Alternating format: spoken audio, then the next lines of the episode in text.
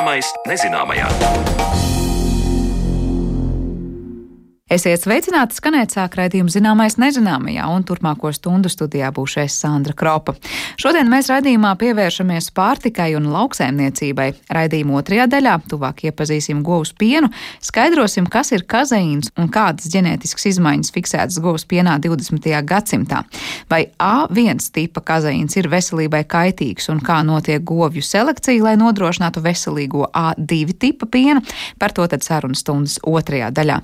Bet pirms Pirms tam pievēršamies senām un mūsdienīgām kultūra augšķirnēm Latvijas laukos.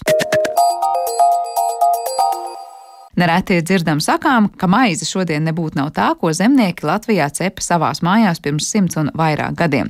Vai tā patiesi ir? Kā atšķiras tagadējās kviešu rudzu miežu šķirnes no tām, kas tika audzētas pirms aptuveni simts gadiem? Kā notiek graudaugu šķirņu pielāgošana laika apstākļiem un kādi vēl faktori nosaka labības augu selekciju? Par to turpmākajās minūtēs Zanelāts Baltāksnes sarunāsies ar Agroresursu un ekonomikas institūta pētnieci Viju Strāzdiņu. Ja tagad kvieši ir pieprasītāki un populārāki, populārāki nekā rudzi, tad atceramies, ka vēl pirms nepilniem simts gadiem kviešu maize jeb baltmaize bija svētku, ne ikdienas ēdiens. Tajā laikā, konkrēti 1922. gadā, Stendē tika izveidota pirmā laukaugu selekcijas stacija, tagad zināms kā Agroresursu un ekonomikas institūta Stendes pētniecības centrs. Un attālināti ierakstītā sarunā ar šī centra pētnieci Viju Strasdiņu uzzināsim par labības augu ceļu uz mūsu teritoriju un kādas senās šķirnes tika audzētas toreiz un kas no tām redzams labības laukos tagad. Es teikšu, varbūt šķirnes simts gadus atpakaļ šis nosaukums bija tāds diezgan neatbilstošs, jo lielākoties tās bija populācijas.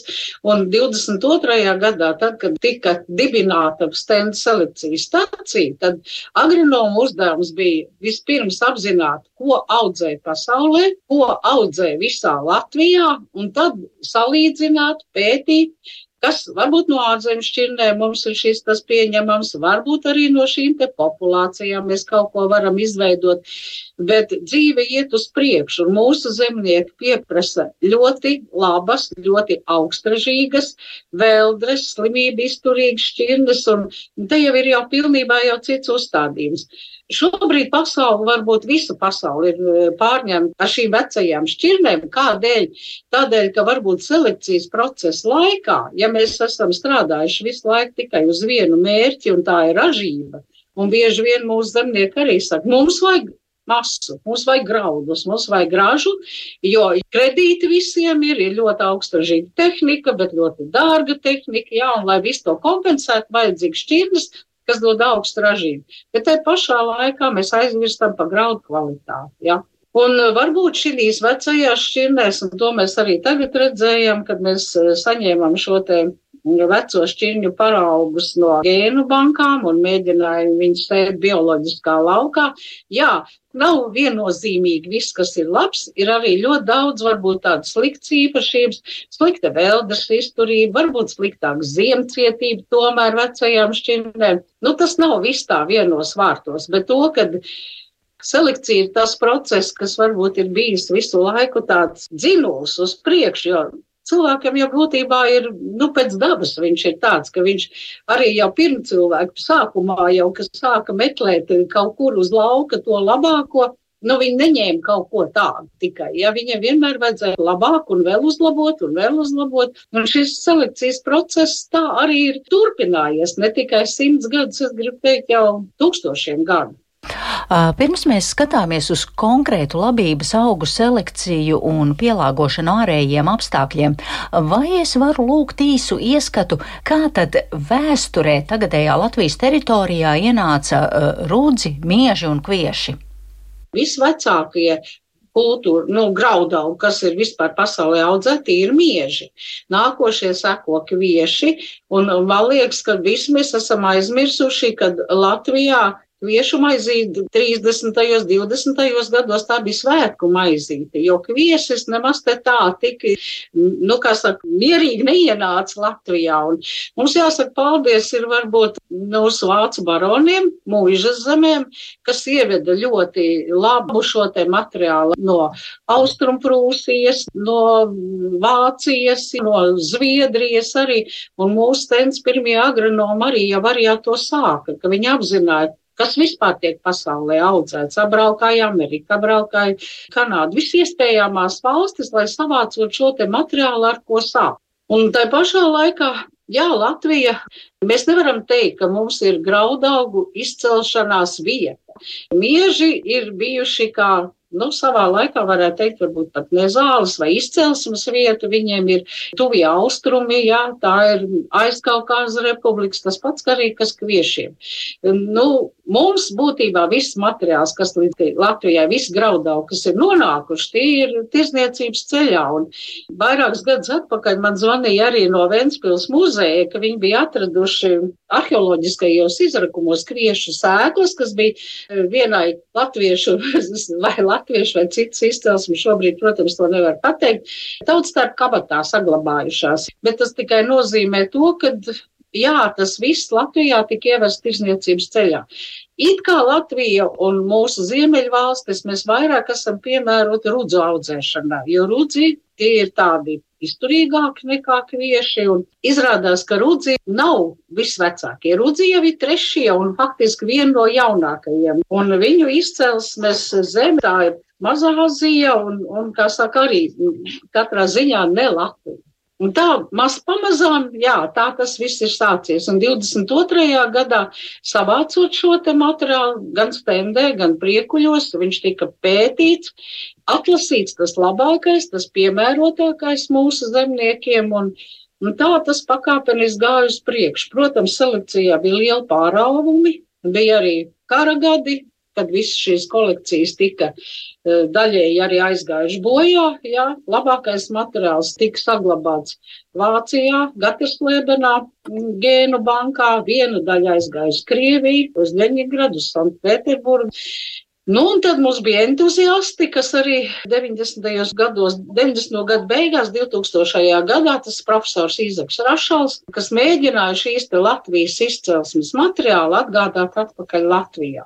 Un mēs savukārt arī, kādēļ mēs pieslēdzamies šai lietai, ja, Jā, mēs eh, mēģinājām skatīties un izvērtēt, kādas ir šīs vecās šķirnes. Sevišķi mums bija ideja par to, ka mēs gribam rehabilitēt, kā saka, sākt no jauna audzēt stendes rudzus. Kāpēc tieši stendes rudzus? Tādēļ, ka populācija rudzi Latvijā ir eh, šķirņu ļoti maz, Rudzus mēs ievedam arī no polijas rudzu šķirnes, un šobrīd modē ir tikai hibrīdie rudzi, tāpat kā mēs ēdam hibrīdos gurķus, hibrīdos tomātus un viss ir hibrīds. Jā, bet eh, šiem hibrīdajiem rudziem bieži vien ir diezgan, nu es gribu teikt, diezgan sliktas maizcepšanas īpašības. Skaidrojums - hibrīds šķirnes. Kad sakrustojot divas šķirnes, selekcionāri ražīgu produktu var iegūt ātrā laikā. Un to nu mēs esam pārbaudījuši, kad eh, maizcepēji, kas mums ir cepuši maizīti no stendes rudziem, ir pārliecinājušies, ka viņi ir ļoti garšīga un, kā saka, pilnvērtīgāk nekā no šiem hibrīdajiem rudziem.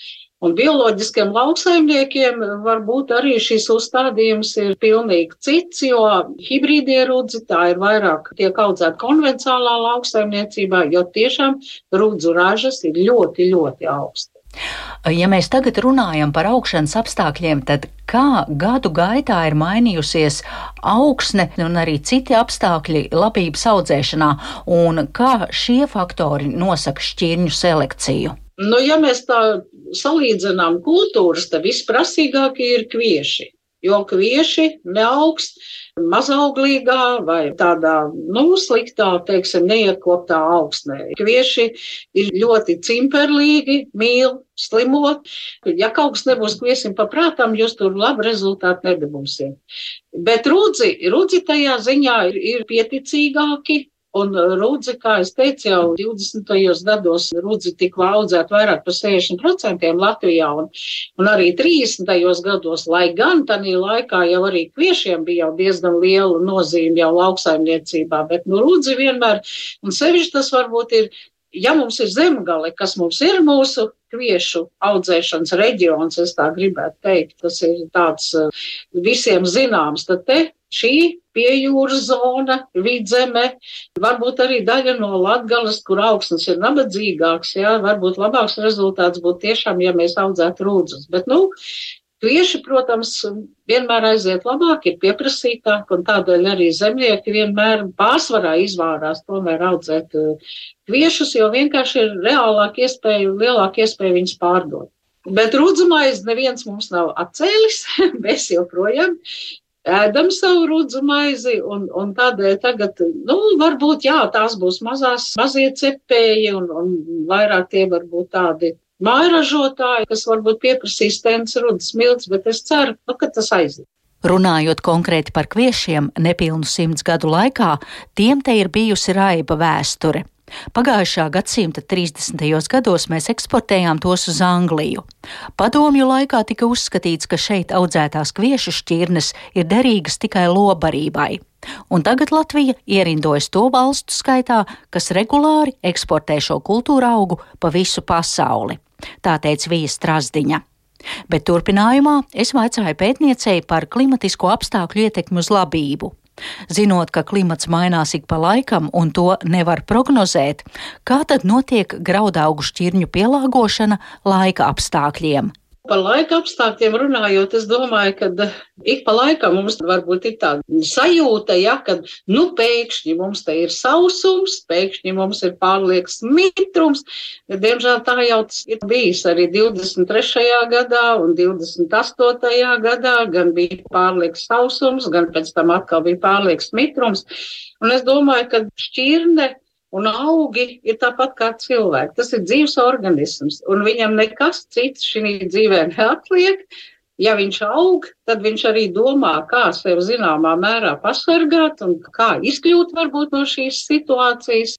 Un no vienas puses tagad mēs visi kā šausminamies ārprāts, ārprāts, klimata pārmaiņas, bet no otras puses es teikšu, ka savā ziņā varbūt tas ir labi, jo šīs klimata pārmaiņas mums ļauj atkal introducēt vai pielāgot tādas augu sugas, kas Latvijā varbūt iepriekš nemaz nav augušas. Un, un tagad mums ir cieša sadarbība ar Dobels dzirnavnieku un, un Dobels dzīvnieks mums ir pasūtījis jaunu cieto kviešu šķirni. Un cietie kvieši Latvijā tas varbūt tiešām ir tāds diezgan eksotisks augs, jā, jo viņš ir liels siltumīlis, un līdz šim tās lielākās cieto kviešu audzētāju valstis ir bijušas gan Kanāda, gan arī no Dienvidē Eiropas Itālija, Francija. Visur tur, kur ir karstas vasaras un visur, kur ir silts. Bet izrādās, ka e, cietie kvieši jau trešo gadu vai pat vairāk ļoti veiksmīgi var cietos kviešus audzēt arī Latvijā. Tā kā es domāju, ka tāda ekstremāla apstākļa bieži vien varbūt arī cilvēku dzīvē nemaz nav tas sliktākais, kas ar viņu var notikt. Ir grūti, jā, bet nu, grūtībās jau mēs tikai saprotam, tā, ko mēs darām un vai, kam tas ir vajadzīgs. Kā uzskata Vija Strasdiņa, tad šādas pārmaiņas, kas nenoliedzami negatīvi ietekmē ikvienu dzīvo būtni, gan augu, gan cilvēku, savā ziņā var kalpot kā virzītājs spēks, lai pielāgotos un norūdītos esošajos apstākļos.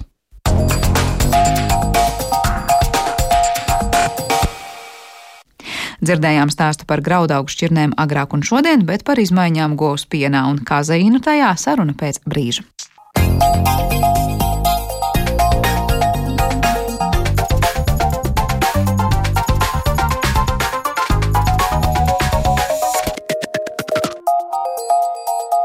Zināmais nezināmajā.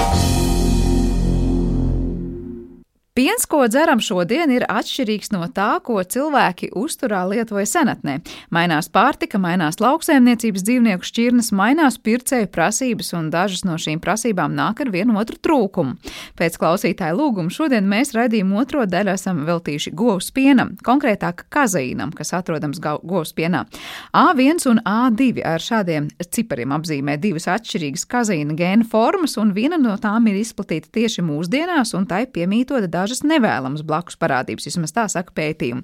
Kas īsti ir par lietu ar šo govs piena proteīnu un kā mainījušās pašas govs laika gaitā, par to tad uz sarunu esam aicinājuši Latvijas Biozinātņu un tehnoloģiju universitātes profesoru Dainu Jonkus. Labdien! Labdien! Mēs šobrīd tiekamies, lai runātu par šo tēmu tādā ļoti emocionāli sakāpinātā laikā, kas ir ļoti smags piensaimniekiem visā Latvijā, taču šī problēma ar kazeīnu, es saprotu, pastāv ne tikai Latvijā. Kas tā īsti ir par problēmu un cik liela un sasāpināta tā šobrīd ir? Nu, ja mēs runājam par šo te kazeīnu A1 un A2, būtībā tas jautājums, nu, tāds aktuālāks kļuva jau šī gadsimta pašā sākumā, eh, kad eh, zinātnieki atklāja, eh, tātad, ka šim kazeīnam, beta kazeīnam ir daudz dažādu polimorfi varianti, jeb allēles. Jo gēns, katrs gēns sastāv no divām allēlēm, jeb diviem variantiem. Un līdz ar to arī atkarībā no tā, kādas ir šīs allēles, izpaužās arī e, tās piena īpašības būtībā. Tad var teikt, ka no vienas puses tūdaļ parunāsim un e, skaidrosim, kas ir šī gēni un kazīns un ar ko tie atšķirs.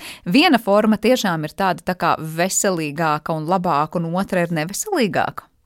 Tie pētījumi ir ļoti dažādi un faktiski ir pretrunīgi ir pretrunīgi tie pētījumi, un joprojām eh, nu, tie ziņojumi par šo tēmu ir dažādi. Un nav tāda vienota uh, slēdziena. Ja tā būtu, jā, ja būtu pilnīgi konkrēti pierādīts, ka tas A1 piens ir sliktāks nekā A2 piens, tad, tad droši vien šīs pārtiks nekaitīguma organizācijas arī rīkotos. Bet uh, patreiz ir pētījumi, ir pasaulē, dažādās valstīs notiek šie pētījumi, un līdz ar to arī uh, ir uh, pierādīts, ka šis A1 genotips būtībā ir saistīts ar, ar dažādām, nu, it kā nevēlamām parādībām tieši tad, kad piens tiek sagremots. Piens tiek sagremots un sagremojot, tā tad veidojas šis beta kazomorfīns 7, kas it kā ietekmē dažādas nu, eh, slimību veidošanos veicina, tā varētu teikt. Vai tajā brīdī, kad mēs runājam cilvēkiem, arvien biežāk dzirdam par laktozes nepanesamību un to, ka no piena produktiem īsti nav laba pašsajūta, mēs runājam par šo A1 kazeīnu, kas ir pienā? Vai tas ir vēl kaut kas cits? Ne tikai laktozes nepanesība, tas ir pavisam kaut kas cits. Tas ir piena cukurs, kur ir tiešām daudziem cilvēkiem šī nepanesība, nu, nepanes šo piena cukuru. Bet ir arī cilvēki, kas būtībā nu, ir jūtīgi pret piena kazeīniem. Jā, ir tādi. Mēs zinām, ka varbūt šobrīd arī bez laktozes piens vai varbūt bez kazeīna piens vispār. Kas īsti ir tie kazeīni? Piens, gan, gan es tā kā neesmu dzirdējis, ja, ka varētu būt bez kazeīna piens. Jā, jo, jo vis, šis kazeīns būtībā ir tas, kas ir visos arī piena pārstrādes produktos ļoti svarīgs. Gan jogurtos, gan sieros, tātad bez, bez kazeīna šos produktus mēs nevaram saražot. Un savukārt, kas tad ir šis slavenais A1 un A2? Nu, cik nu vienkāršot mēs par piena ģenētiku, ja tā var teikt, varam runāt? Kurā brīdī tāds ir radies un vai pienā vienmēr ir bijis tur gan viens, gan otrs atkarībā no tā, no kādām govīm tas izslaukts? Nu, ziniet, sākotnēji, acīm redzot, tas uh, pirmais variants tām savvaļas govīm ir bijis tas A2 variants bet laika gaitā ir notikušas dažādas mutācijas, un, eh, un patreiz tam eh, beta kazeīnam faktiski ir 15 dažādas allēles. Eh, bet tās svarīgākās un biežāk sastopamās ir tas A1 un A2. Un tādēļ viņas arī visvairāk tiek pētītas. Jo būtībā pētījumi liecina, ka piemēram A3 vai B allēle arī nu, dažās šķirnēs, tur, teiksim, 3% gadījumos ir sastopama. Tā tad ļoti reti. Un, bet, bet šī A1 un A2 tātad, tā ir sastopama pietiekoši bieži, un tas ir atkarībā arī no šķirnes.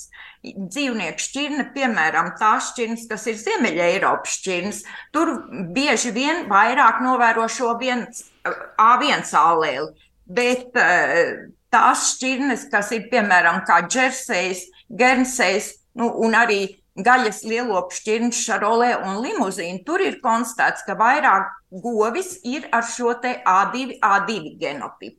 Jo principā ir tā, ka govīm var būt pēc šī te gēna, var būt trīs genotipi. Var būt A1, A1 genotips, tad A1, A2 un A2, A2.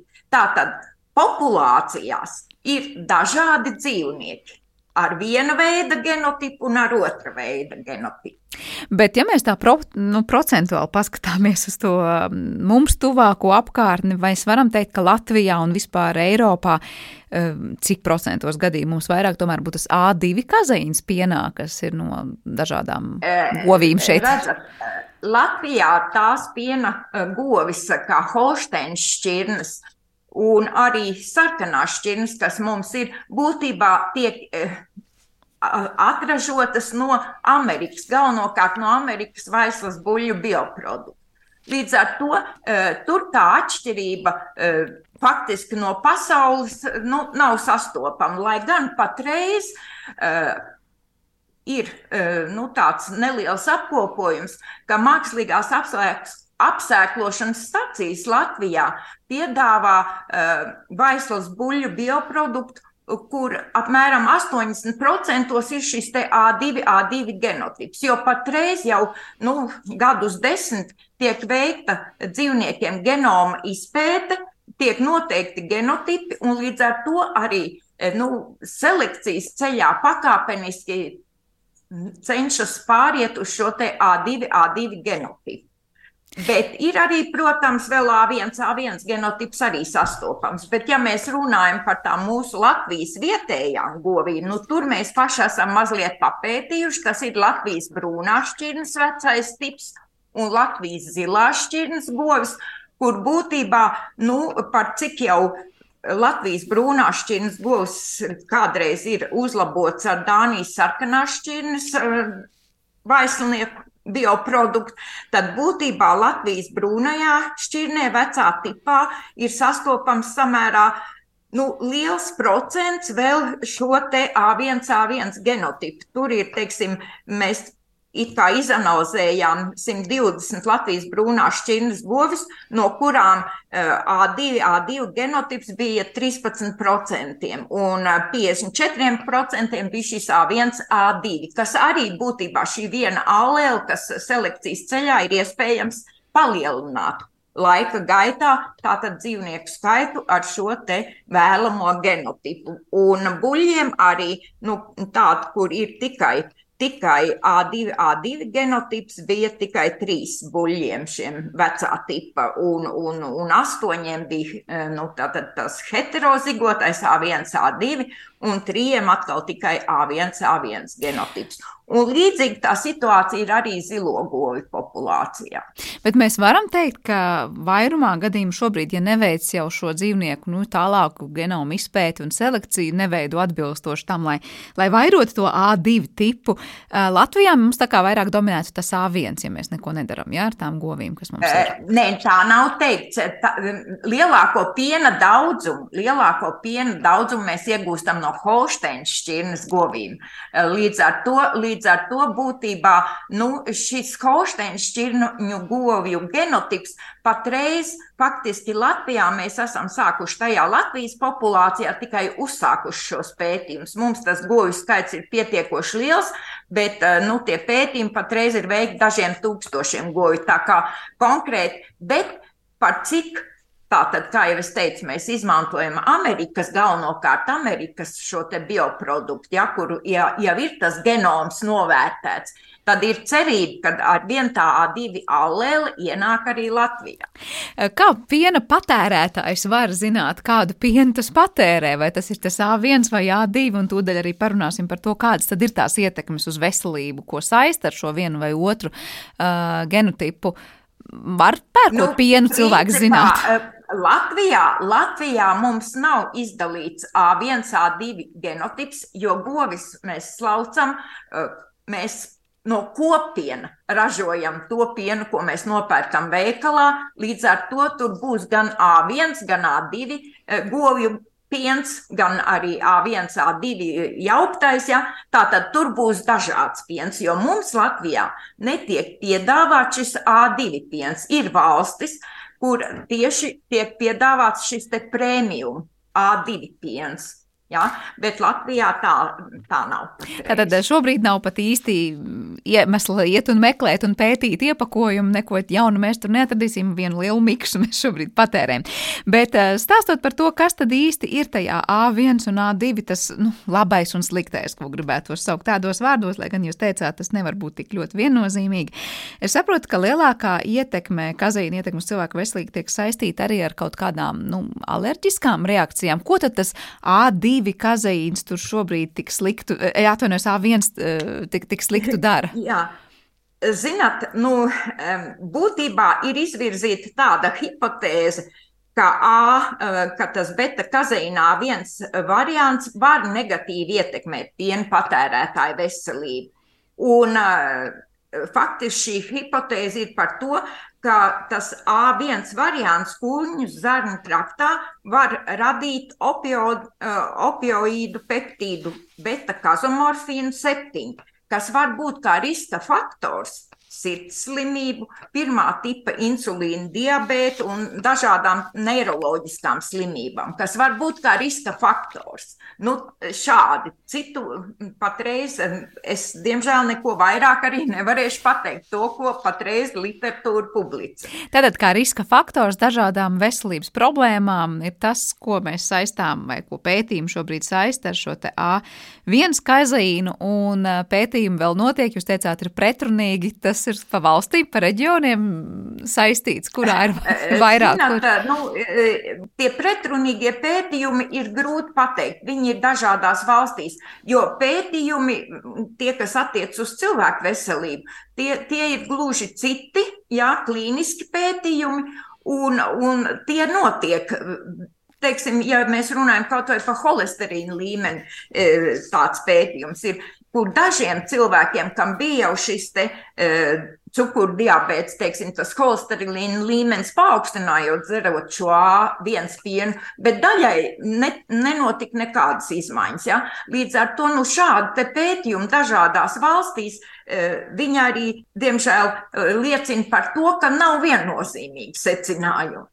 Nu, skatīsimies, ko, protams, laiks rādīs, un dažādi pētījumi gan jau ka viesīs skaidrību, bet no kurienes ir uzradies šis A2? Tad, tad ir bijis, var teikt, senākais un pašās nu, pamatu pamatos nu, tā, savvaļā. Tā zinātnieki uzskata, ka tas ir, teiksim, teiksim tā, tas ir tas savvaļas tips, ja, tas savvaļas, nu, tas pirmatnējais tips.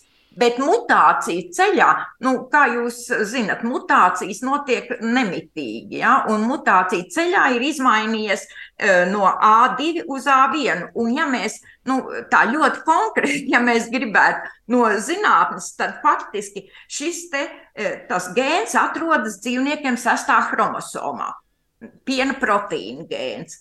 Un šis te beta-kazeīna gēns kopumā ir 10,338 bāzu pāru garš. Un šis garums veido 209 aminostāvis.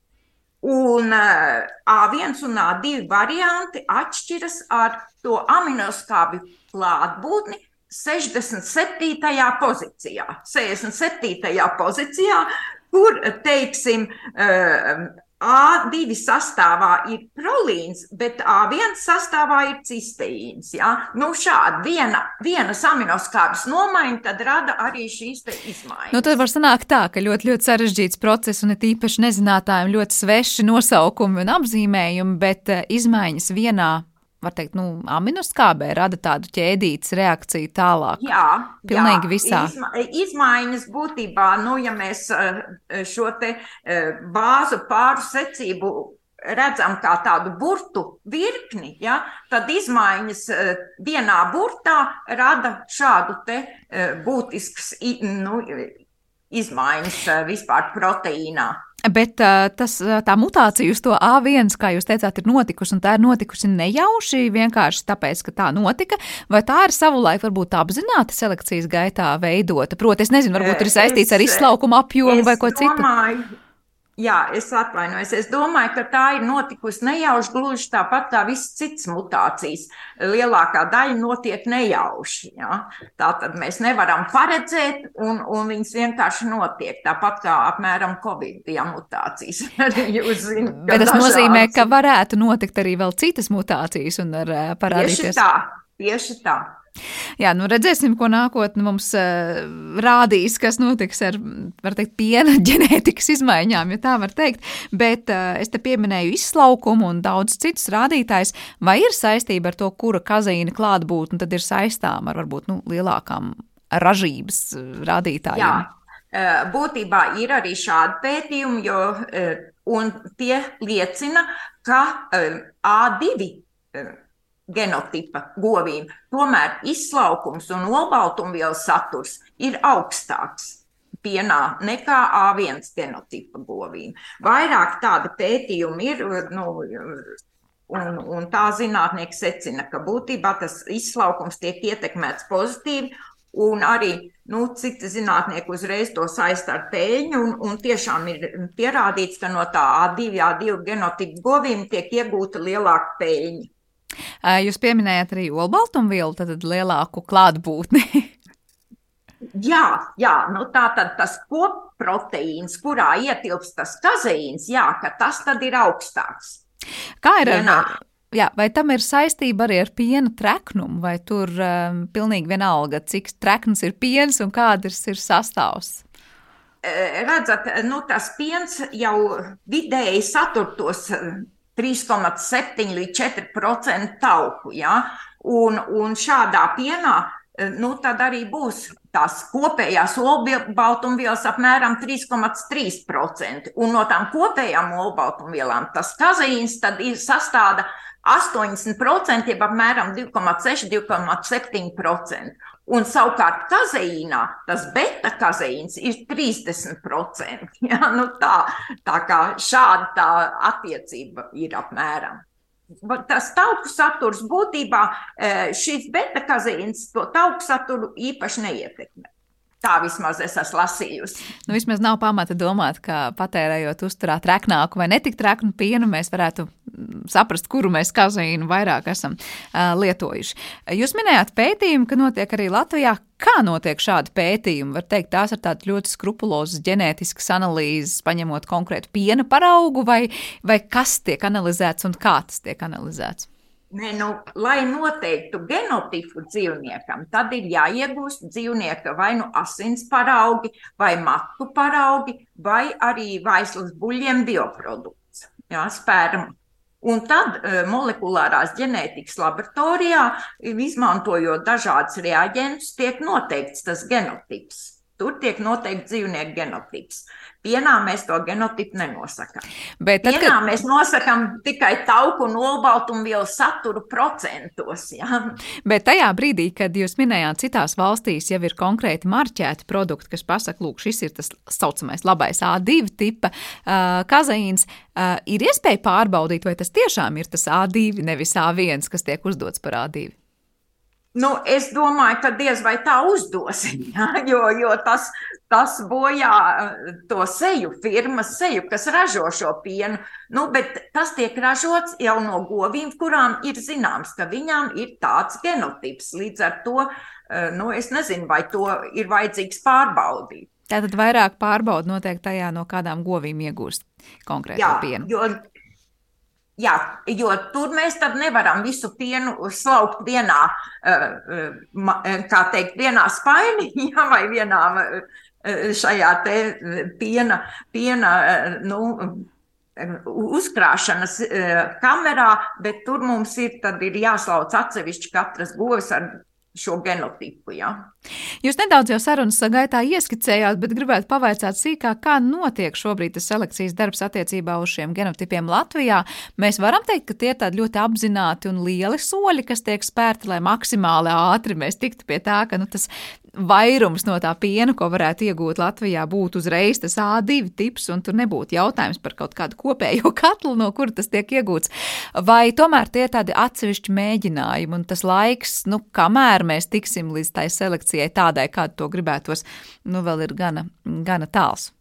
Zināt, nu, ir tā, ka būtībā tie, kas nodarbojas ar šo selekciju, saimniecību īpašnieki arī Eh, nu, pāraugi un, un, un vērtētāji, visi, vai sēklotāji, visi tie, kas mm, veic šo govju apsēklošanu, lai iegūtu nākamo paudzi, būtībā ir jāskatās vaislas buļļu katalogu. Ir jāizskatās šie buļļu katalogi un jāskatās, vai tam konkrētam piedāvātam vaislniekam ir šis A2, A2 genotips. Bet, nu, jo patreiz, ja mēs runājam par šīm Holsteins govīm un to lielāko vairumu, tur praktiski jau 80% ir zināms, kāds ir tas genotips. Ja, kāds ir tas genotips pēc šī gēna? Nu, tā tad ir jāskatās selekcionāram, ja viņš tiešām grib uh, šīs nākošās paudzes govis ar šo A2, A2,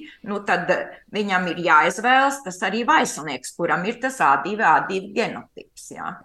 Bet tas nav tik ātrs process, jo paudžu maiņa piena lopkopībā nu, 4 gadi, 4,5 līdz 5 gadi notiek. Jā? Tā kā nākamā paudze tiek iegūta nu, šādi atkal atražota. Ja? Tad var teikt, šobrīd, šobrīd iegūstot, piemēram, nu, vai tā teikt, ģenētiski vajadzīgo telīti, kas savulaik eh, kaut kādā brīdī dos pienu, mums jāgaida būs tie 4, 4,5 gadi, kamēr mēs vispār varam teikt, ka šīs dienas darbības sekas ir nesušas to savu rezultātu. Jā, jo būtībā nu, tā tad mēs apsēklojam govi, piedzimst telīte, telīte izaug, viņa jau, nu, ja viņa ir, tad viņa ražo šo te pienu, un viņas pēcnācējs atkal jau būs ar, ar vēl labāku varbūt genotipu. Ja? Jo būtībā jau svarīgi ir tas, ka tas genotips ir ne tikai vaislniekam, bet vaislniekam tas ir ļoti svarīgi, jo vaislnieks atstāja daudz pēcnācēju. Govs ne visām govīm mēs esam izpētījuši, ja? jo tas vēlamais genotips pēcnācējā jau ir tikai tad, ja govī ir tā vismaz viena allēle, un arī vaislniekam ir tā viena allēle. Ja? Tā kā tas nav tik vienkārši. Nu, tā ir jā, tiešām ļoti sarežģīta, bet ne gluži laimes spēle, bet tomēr diezgan sarežģīts process. Es gribēju vēl vaicāt, pamazām noslēdzot šo sarunu, cik ļoti aktīvi par šo kazeīnu A1, A2 šobrīd domā un runā arī nu, Eiropā kopumā vai citās eh, reģionu valstīs, vai tās ir tādas atsevišķas iniciatīvas arī ārpus Eiropas Savienības. Zinu, ka Jaunzēlanda laikam tiek piesaus kā tas piemērs, kur nu, ļoti izteikti par to A2 tipu tiek runāts un norādīts, ka šeit ir tas A2 tipa kazeīns proteīns, kā ar citām Eiropas valstīm? Ziniet, ir diezgan grūti nu tā, viennozīmīgi teikt, ka tas ir ļoti aktuāls. Šie pētījumi notiek. Bet jāsaka tā, ka Jaunzēlandē tajā 2000. gadā jau tur ļoti nu, skaļi tika runāts par šo tēmu, bet Amerikas Savienotajās valstīs, piemēram, no, nā, no kuras nāk lielākais vairums vaislnieku, eh, faktiski to tā ļoti aktuāli, nu, skaļi nerunāja, bet pakāpeniski tie vaislnieki, kas tagad nāk, tās jaunās paudzes, viņiem ir šis vēlamais A2, A2 genotips. Tātad to dara ne ļoti skaļi, nu, un Eiropā tieši tāpat. Ja, veids šos pētījumus, mēģina selekcijas ceļā iegūt tātad vēlamāk genotipa dzīvniekus, bet nu, tāds ārkārtīgi liels uztraukums nav par šo te A2, A2 pienu, manuprāt. Bet tas, ko jūs minējāt par Amerikas piemēru, nu tad skaļi par to nerunāja, bet kaut kādā brīdī saprotot, ka tomēr tā atšķirība starp to A1 un A2 ir diezgan fundamentāla, eh, viņi patiesībā nomainīja to savu genofondu, var tā var teikt, eh, buļļiem. Jā, jā, un tas notiek joprojām, jā, tas notiek joprojām, tā tad tiek, tiek iegūti vairāk tie vaisnieki, kam ir tas vēlamais genotips. Un te es tomēr vēlos atgriezties pie tā jautājuma, kā jūs sākumā teicāt, nu it kā tie pētījumi ir ļoti pretrunīgi pat brīžiem un nav viennozīmīgi. Liekas, ja jau visi tik ļoti atgriežas vai nu, mēģina atgriezties pie tā A2 tipa, vai tas neliek domāt, ka tomēr nu, tie pētījumi, kas saka, ka tas A2 tipa kazīns būs varbūt gan ar labāku ietekmi uz cilvēku, gan arī produktivitāti izslaukumam, ir pamatotāks un var teikt, mēs virzīsimies arī Latvijā uz šiem A2 arvien vairāk. Es, eh, nu, es domāju, jā, ka mēs jau virzamies būtībā. Un, nu, acīm redzot, acīm redzot, ka tur tāds pamats ir tomēr šīm minētajām tām uh, slimībām, kuras it kā var ierosināt, ja tas piens. Bet, uh, nu, protams, mēs ejam kopsolī ar pasauli. Ja Latvija arī Tātad kādu dienu varbūt tiešām viss Latvijā arī pirktais piens mums būs nevis miksēts, bet gan A2 tipa kazeīna piens, bet uzsvērsim vēlreiz, tātad te nav stāsts par laktozes nepanesamību un visām tām problēmām, ar ko cilvēks saskars, kuriem šobrīd patērējot pienu uzturā jau ir manāmas problēmas. Ja tās ir tātad varbūt tādas, nu, klusākas problēmas, kas sevī pieteiks vēlāk un, un netik izteikti.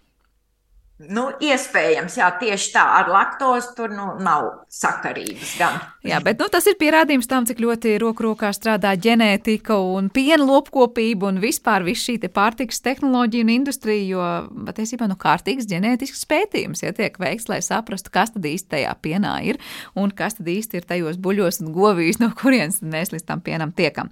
Paldies jums par šo sarunu. Es atgādināšu, ka šajā raidījuma daļā mēs bijām kopā ar Latvijas Biozinātņu un tehnoloģiju universitātes profesori Dainu Jonkus. Ar to arī šī raidījuma sadaļa ir izskanējusi, un par šo raidījumu rūpējās kā parasti producenta Paula Gulbinska. Mūzikas redaktors bija Girds Bišs, Reinis Būds bija skaņu režijā un es Sandra Kropa studijā, un vēlot mums visiem jauku dienu no jums atvados. Visu labu!